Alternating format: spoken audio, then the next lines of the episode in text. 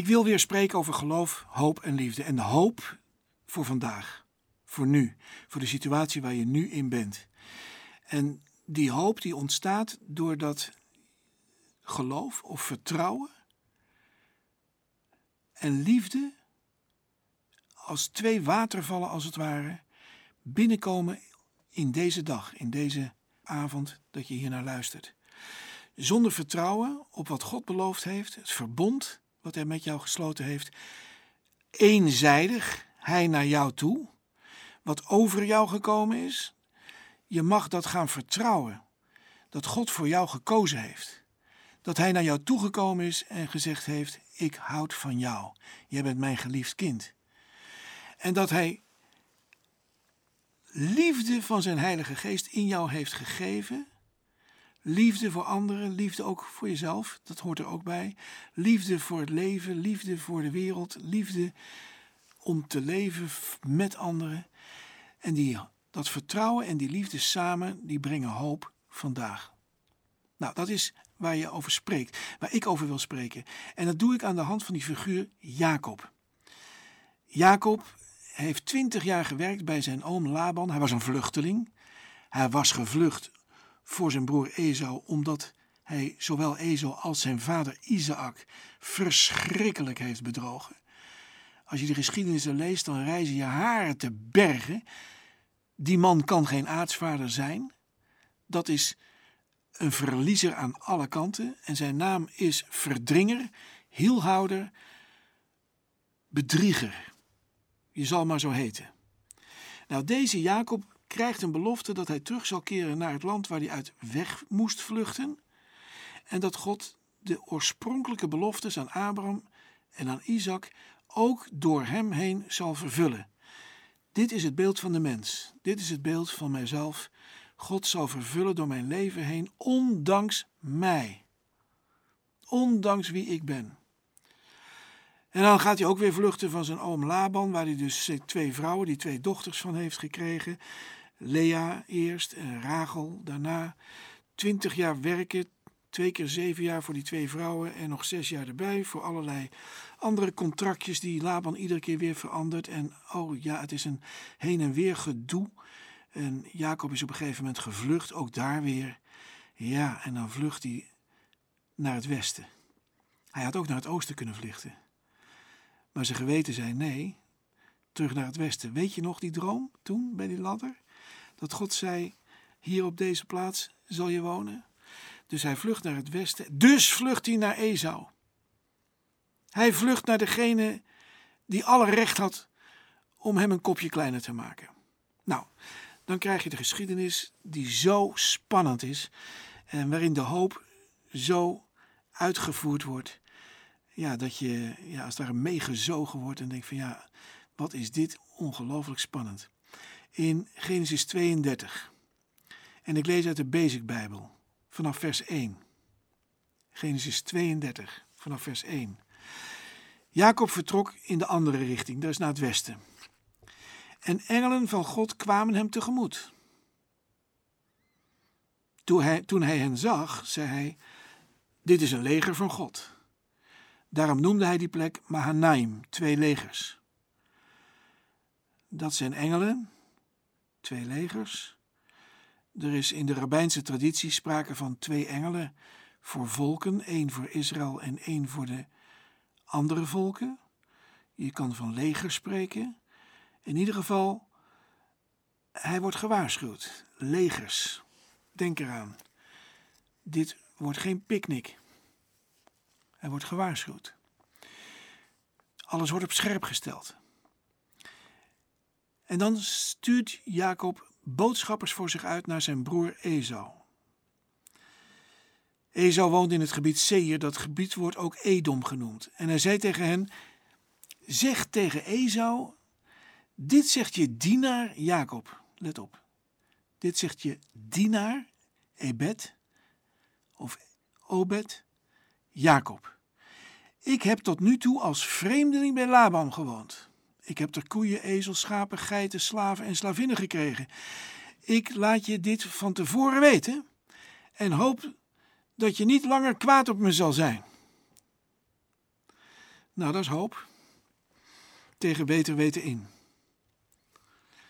De boodschappers kwamen bij Jacob terug en zeiden: Oh, we zijn bij uw broer Esau geweest. Hij is nu met 400 mannen op weg naar u toe.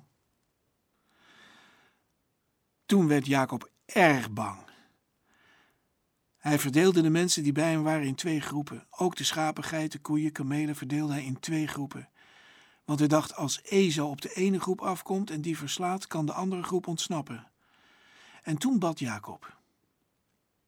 Nu komt er een gebed van een bedrieger, een verdringer, van de firma list en bedrog. En hij bidt God van mijn grootvader Abraham en van mijn vader Isaac. Heer, u heeft tegen mij gezegd: ga terug naar je land en naar je familie, ik zal goed voor je zijn. Maar ik ben het helemaal niet waard dat u zo goed voor mij bent en mij zoveel heeft gegeven. Ik had op de heenweg alleen een staf toen ik de Jordaan overstak. Nu heb ik deze twee grote groepen mensen en dieren. Heer, red mij nu alstublieft uit de handen van mijn broer Esau. Want ik ben bang dat hij me zal doden, met de moeders en de kinderen. Maar u heeft toch gezegd: Ik zal goed voor je zijn en je familie zo ontelbaar maken als het zand van de zee? Die nacht bleef hij daar. Is ontroerend om een gebed te horen van deze man in nood. Aan alle kanten zit hij fout en hij beroept zich op Gods belofte. Je zou ook nog kunnen zeggen: de slimmerik herinnert God aan zijn belofte. En dat hij slim is, is zeker. Hij heeft al zijn haven en goed in verschillende delen verdeeld, zodat de klap niet in één keer komt, maar als er een klap komt, de andere helft kan vluchten. Wat een strateeg! Je zou ook kunnen zeggen: wat een list en wat een slang. Een slang zeg ik omdat Jezus heeft gezegd: in de omgang met de wereld moet je zijn als een slang en een duif. Argeloos als een duif en listig als een slang. En als er één voorbeeld is in de Bijbel van listig als een slang, dan is het Jacob wel. Je kunt er wat van leren. Toen nam hij van zijn vee een aantal dieren als geschenk voor zijn broer Esau. 200 vrouwen, vrouwtjes scheiden, 20 mannetjes scheiden, 200 vrouwtjes schapen, 20 mannetjes schapen, 30 vrouwtjes kamelen, 40 koeien, 10 stieren, 20 vrouwtjes ezels, 10 mannetjes ezels. Ben je er nog? Allemaal groepen. Uiteindelijk zijn het negen groepen. En voor elk van die negen kuddes wees hij een knecht aan die op die kudde moest passen. En dan zei hij tegen die knecht dit: Ga voor me uit en laat ruimte tussen de verschillende kudden.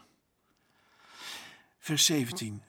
Tegen de voorste knecht zei hij: Als je mijn broer Esau ontmoet en hij vraagt je: Wie is je heer en waar ga je naartoe?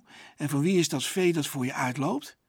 Dan moet je zeggen: Kijk, dit is een geschenk van uw dienaar Jacob voor zijn heer Esau. Hij komt zelf achter ons aan. Nou, dat gebeurt dus negen keer. Dus negen keer krijgt Esau te horen dat Jacob hem heer noemt en dat Jacob zichzelf knecht noemt. Adonai, Adoni staat er eigenlijk letterlijk, en Ebed. En het woordje Adonai wordt ook voor God gebruikt. Eigenlijk is Esau bijna God in die stelling, in die zin. Wat een ongelooflijke massage van het eergevoel van Esau. Wat weet deze Jacob Esau te bewerken? Je kunt ook zeggen wat een wijsheid. En je kunt ook zeggen wat een nederigheid. Is het gemeend? Of is het alleen maar uit angst? Misschien is het een mix, maar zo zit het leven in elkaar. En zo werkt hoop. Heel strategisch, heel wijs en ook heel slim. En zo gaat het volk voor hem uit. Hij blijft zelf achter bij de rivier de Jabok. En die rivier de Jabok die lag dus eigenlijk tussen buiten en binnen. Buiten was dus buiten Israël en aan de overkant was binnen Israël. Oftewel de belofte van land. En eigenlijk moet nu de buiten Jacob moet een binnen Jacob worden. En het kan niet anders dan door een rivier heen. Je zou kunnen zeggen, het is soms, je zou het kunnen zeggen als een soort Jordaan, als een soort rivier waarin je onder moet gaan om van buiten naar binnen te komen. Een groot keuzemoment. In het Hebreeuws wordt ook wel het woord teshuva genoemd inkeer en omkeer. Bij de Jabok moet iets gebeuren met Jacob. En de klanken van die twee, rivier en naam van Jacob, die lijken erg op elkaar. Sterker nog, er is ook een, een Hebreeuws woord voor worstelen, wat er ook bij komt en wat ook in klank daarop lijkt. Worstelen, Jabok, Jacob. Want dat is precies wat er gaat gebeuren. Er komt een strijd. Ik lees in Genesis 32, vers 22. S'nachts stond hij op en bracht zijn twee vrouwen, zijn twee slavinnen en zijn elf kinderen, Benjamin was nog niet geboren, naar de overkant van de beek Jabok. En daarna bracht hij zijn dieren en alles wat hij had naar de overkant. Vers 24. Jacob was als enige nog aan de andere kant van de beek, dus buiten. En een man met een hoofdletter M, een man, in het Hebreeuws staat er is en het Hebreeuws kent geen hoofdletters. Dus je weet niet of het een hoofdletter is of een gewone letter. Daar is heel veel over te doen geweest, wie dat was. Maar Jacob zelf zegt: Ik heb God gezien. Dus, en later zegt hij de engel. Dus voor Jacob is dit God of de engel met een hoofdletter. En een man worstelde met hem tot het dag begon te worden. En toen de man zag dat hij niet van Jacob kon winnen, sloeg hij hem op zijn heupgewricht. Daardoor schoot het gewricht uit de kom tijdens de worsteling. En toen zei de man: Laat me gaan, want het wordt dag. Maar Jacob zei: Ik laat u pas los als u mij zegent. De man vroeg: Hoe heet je? Hij antwoordde: Jacob. Toen zei de man: Je zal niet langer Jacob, verdringer, heten, maar Israël, worstelaar met God. Want je hebt op een goede manier met God en met mensen geworsteld en je hebt gewonnen. Toen vroeg Jacob: Zeg mij alstublieft hoe u heet. Maar de man antwoordde: Waarom wil je weten hoe ik heet? En hij zegende hem daar. En Jacob noemde die plek Peniel, gezicht van God. Want, zei hij, ik heb oog in oog met God gestaan en toch ben ik in leven gebleven. Nou, even terug. In dat moment dat hij op de heup geslagen wordt, waarom? Omdat de man niet kon winnen. En als je dat voorstelt, dan is het bijna handjedruk. Het is niet een gevecht met slaan, slaan, slaan en stompen en boksen. Het is een soort krachtmeting.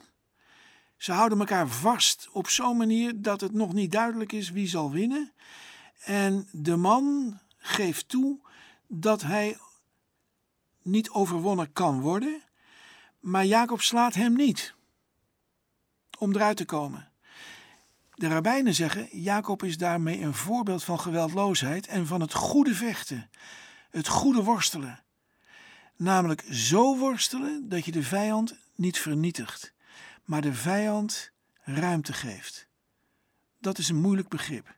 Maar zo vechten voor de plek die jij rechtens jouw verbond hebt ontvangen van God, zo te vechten dat de vijand rechtop mag weglopen. En hij krijgt een klap. En die klap krijgt hij op zijn heup. En daardoor hangt hij als het ware in de man. En je zou kunnen zeggen dat die heupklap hem afhankelijk maakt van zijn tegenstander. Dus van God, dus van de engel. En dat hij zegt, ja, ik laat u niet los tenzij gij mij zegent. Je zou bijna kunnen vertalen: Ik kan je ook helemaal niet loslaten, want ik hang in u. Ik hang in u. En hier vindt dus iets plaats wat ik heel diep ontroerend vind: dat wij hebben een strijd met God. Ja, die hebben wij. Maar we hebben ook een strijd met onszelf. We zijn schuldig en Esau heeft gelijk. In die vreselijke rivaliteit en die strijd in onszelf moet gebeuren wat gebeuren moet, inkeer en omkeer. We worstelen met God. We worstelen met onszelf. We worstelen met Esau.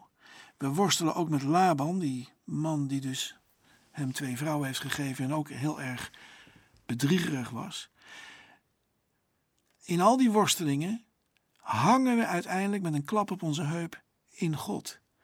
En ik kan u pas loslaten als u mij zegent. Nou, de rest van zijn leven heeft hij in God gehangen. Als een kreupele man hangt hij in God. En wat is dat?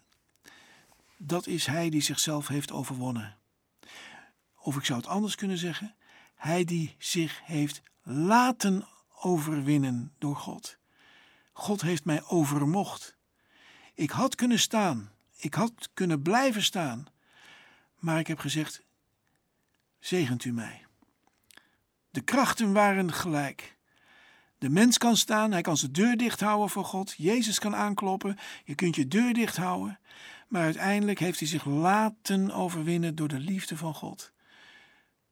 Door Gods aanwezigheid. En hier ontstaat een nieuw mens. Wat gebeurt er? Ik zal het je bewijzen. Wat gebeurt er? In die nieuwe mens steekt hij dus de jabok over van buiten naar binnen. Wetend dat hij Ezou ziet, buigt zich diep voor Ezou. Ezou gaat hem omarmen en dan zegt hij: Het is alsof ik God heb gezien. Maar er is nog iets, dat is dit. Dat hij eerst al zijn zaken verdeelt en die in allerlei delen naar, Jacob laat, eh, naar Ezou laat komen. En ook zijn vrouw en zijn kinderen. Maar wat staat er dan op een gegeven moment? Toen ging Jacob vooruit. Hij ging voor zijn vrouw en kinderen en zijn slavinnen en hun kinderen uit. Alleen Ezou tegemoet. Kijk, dat kan alleen iemand die vol vertrouwen in geloof, hoop en liefde zou je kunnen zeggen, die zo in hopen dat God met hem is, want hij heeft zichzelf overwonnen in de strijd die hij voerde, de worsteling die hij voerde bij de Jabok. Zo gaat hij alleen naar Ezou en zo omarmt Ezou hem en zo ziet hij in Ezou zelfs het gezicht van God.